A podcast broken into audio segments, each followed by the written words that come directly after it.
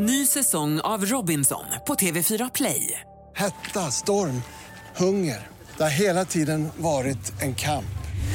Nu är det blod och tårar. Fan händer just nu. Det. är Detta är inte okej. Robinson 2024, nu fucking kör vi! Streama söndag på TV4 Play. Du lyssnar på en podcast från Expressen. Fler poddar hittar du på expressen.se podcast och på iTunes. Det här är Expressen Dokument om att Alice Babs-fallet får fler att förstå av Diamant Salihu, som jag, Johan Bengtsson, läser upp. I decennier har hovsångerskan Alice Babs varit en del av det svenska folkhemmet.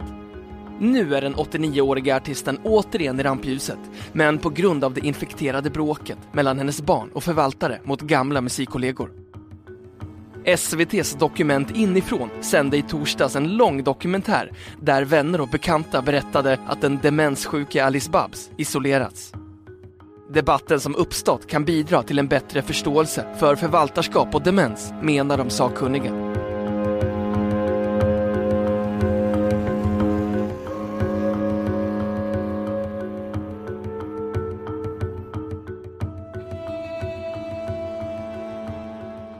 En av landets mest folkkära sångerskor, Alice Babs, har åter hamnat i centrum.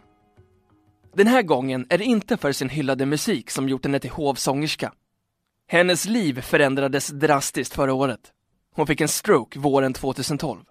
Efter det kunde Alice Babs inte längre bo kvar hemma i lägenheten i Saltsjöbaden. Stroken var hennes andra, den första inträffade 2004 och satte tydliga spår enligt dottern. Familjen har sedan dess sett på när mamma sakta blivit sämre. Börjat glömma saker, få humörsvängningar. Från att ena stunden vara pigg, för att nästa bli fruktansvärt trött. I februari fattades ett interministiskt beslut att utse en förvaltare åt Alice Babs, som 1940 fick sitt genombrott i filmen Swing It Magistern. Alice Babs överklagade, men mot hennes vilja fastställdes beslutet i början av april av Nacka tingsrätt som bedömde att 89-åringen är i behov av förvaltare på grund av sjukdom. Beslutet överklagades igen, men hovrätten valde att inte pröva fallet. Som förvaltare utsågs Lena Arenbjörk. Hon agerade omedelbart. En dag i våras mötte plötsligt de besökare som ville hälsa på Alice Babs av en lapp utanför hennes dörr. Vid besök kontakta alltid ordinarie personal. Förvaltaren bytte även ut Alice Babs telefonnummer. Musikvänner som Jan Malmsjö, Lasse Zachrisson och Jan Allan samt många andra bekanta var inte längre välkomna och fick heller inte ringa. Titti Sjöblom förklarade att det var äldreboendet som slagit larm efter att det blivit för turbulent. Därför hade förvaltaren på läkarnas och boendets rekommendationer tillfälligt satt ett besöksförbud. Sedan dess har konflikten rapporterats i medierna. De utestängda vännerna har polisanmält förvaltaren och anmält äldreboendet till Inspektionen för vård och omsorg, IVO. Myndigheten riktade i somras skarp kritik mot äldreboendet och ställde krav på omedelbara åtgärder. Kort efter beslutet flyttades Alice Babs, men det var enligt plan. Samtidigt som anmälningarna har haglat har journalisten och författaren Anna-Lena Lodenius arbetat på en dokumentär om Alice Babs öde. Lodenius träffade sångerskan på äldreboendet innan besöksförbudet. Hon gjorde då inspelningar som fanns med i SVTs Dokument inifrån. Alice Babs förlorade rättigheter som Lodenius gjort tillsammans med filmaren Lotta Hellman. Dokumentären sågs av strax under en miljon tv-tittare och var enligt mätföretaget MMS det mest populära programmet klockan 20 i torsdags kväll. Tillsammans med premiäravsnittet av Jul med Ernst på TV4 som hade strax över en miljon tittare. Alice Babs dotter Titti Sjöblom var kritisk inför sändningen. Jag tycker att min mamma som är gravt dement blir otroligt utnyttjad, som vi i familjen vet att hon aldrig skulle ställa upp på om hon var frisk och hade en möjlighet att välja, säger hon. Programmet har fått mycket uppmärksamhet. Förvaltaren Lena Arenbjörk har känt sig grundlurad för sin medverkan. Hon hävdar att hon pratat under villkor att programmet inte skulle handla om Alice Babs. Det har varit tydligt från början vad dokumentären skulle handla om, enligt Johan Brånsta, projektledare för Dokument inifrån. Det finns inga vänner i världen som kan kräva att få träffa Alice. Om man är nära vän, gammal vän eller inte vän är ganska ointressant. Frågan är vem vill Alice träffa och får hon träffa den personen?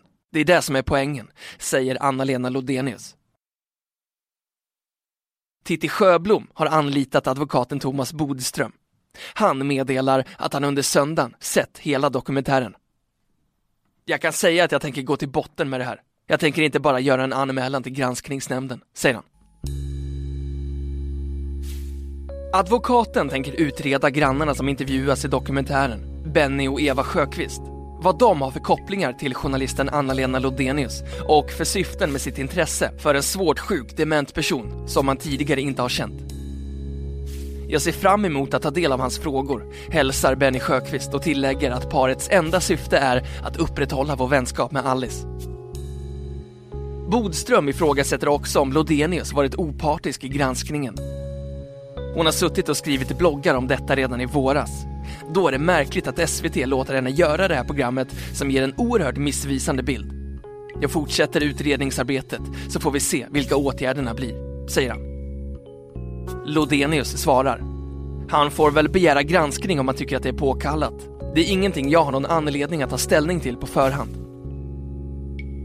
Förvaltaren Lena Arenbjörk vill inte uttala sig mer om fallet, men i en tidigare intervju med Expressen förklarade hon att det kom för många besök och att Alice inte mådde bra efter dem. Det här är en gammal dam som snart är 90 år och då orkar man inte vad som helst, sa förvaltaren.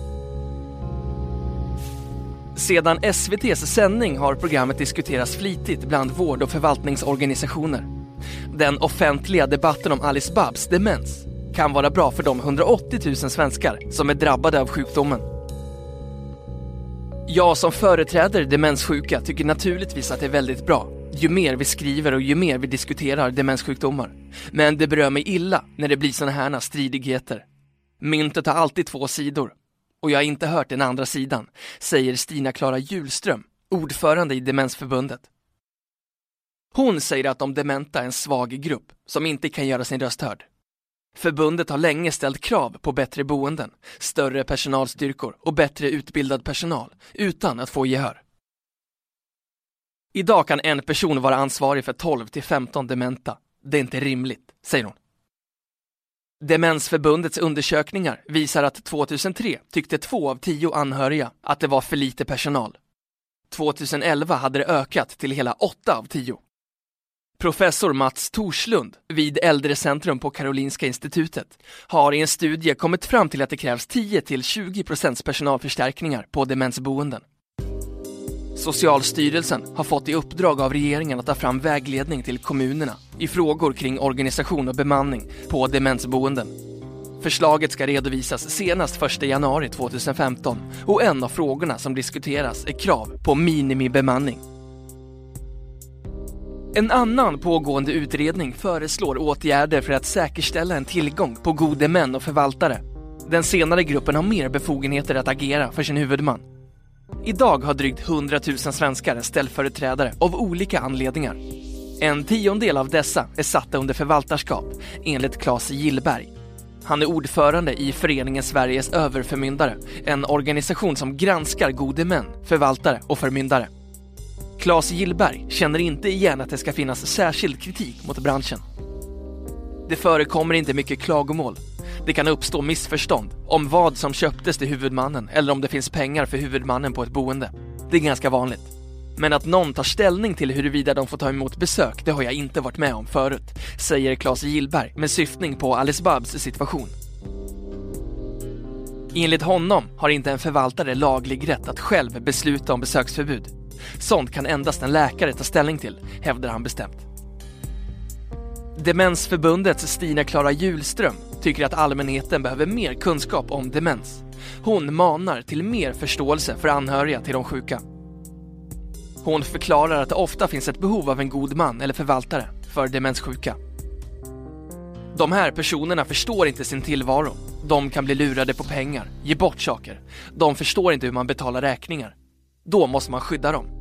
Oftast kan en hustru eller make ta det ansvaret. Om en sån inte finns och barnen inte bor nära blir det ett förvaltarskap sista utvägen. Förutom att sköta det praktiska pappersarbetet kan en enkel uppgift vara att besöka den demenssjuke på födelsedagen eller hälsa på en gång i månaden. Tyvärr är det vanligt med det omvända, att de demenssjuka blir bortglömda, säger Stina Klara Hjulström. Självklart mår alla demenssjuka väl av att ha mänskliga kontakter. De mår inte bra av att sitta ensamma och isolerade i en lägenhet, som man ofta gör i Sverige. Det är viktigt att ha lagom med kontakter och stimulans. Men om det blir för mycket så blir det rörigt, säger Stina Klara Hjulström. Titti Sjöblom säger att mamma Alice Babs, trots sjukdomen, mår förhållandevis bra. Hon är lugn och harmonisk. Mamma får träffa dem hon vill och frågar efter, säger hon.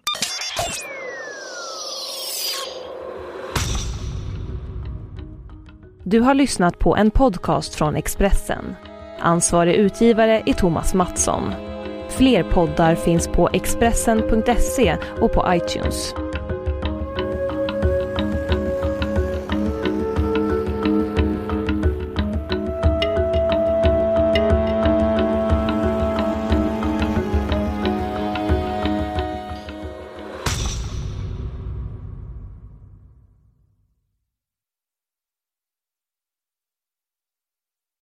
Ny säsong av Robinson på TV4 Play. Hetta, storm, hunger. Det har hela tiden varit en kamp. Nu är det blod och tårar. Fan händer just nu. Det. är Detta är inte okej. Robinson 2024, nu fucking kör vi! Streama söndag på TV4 Play.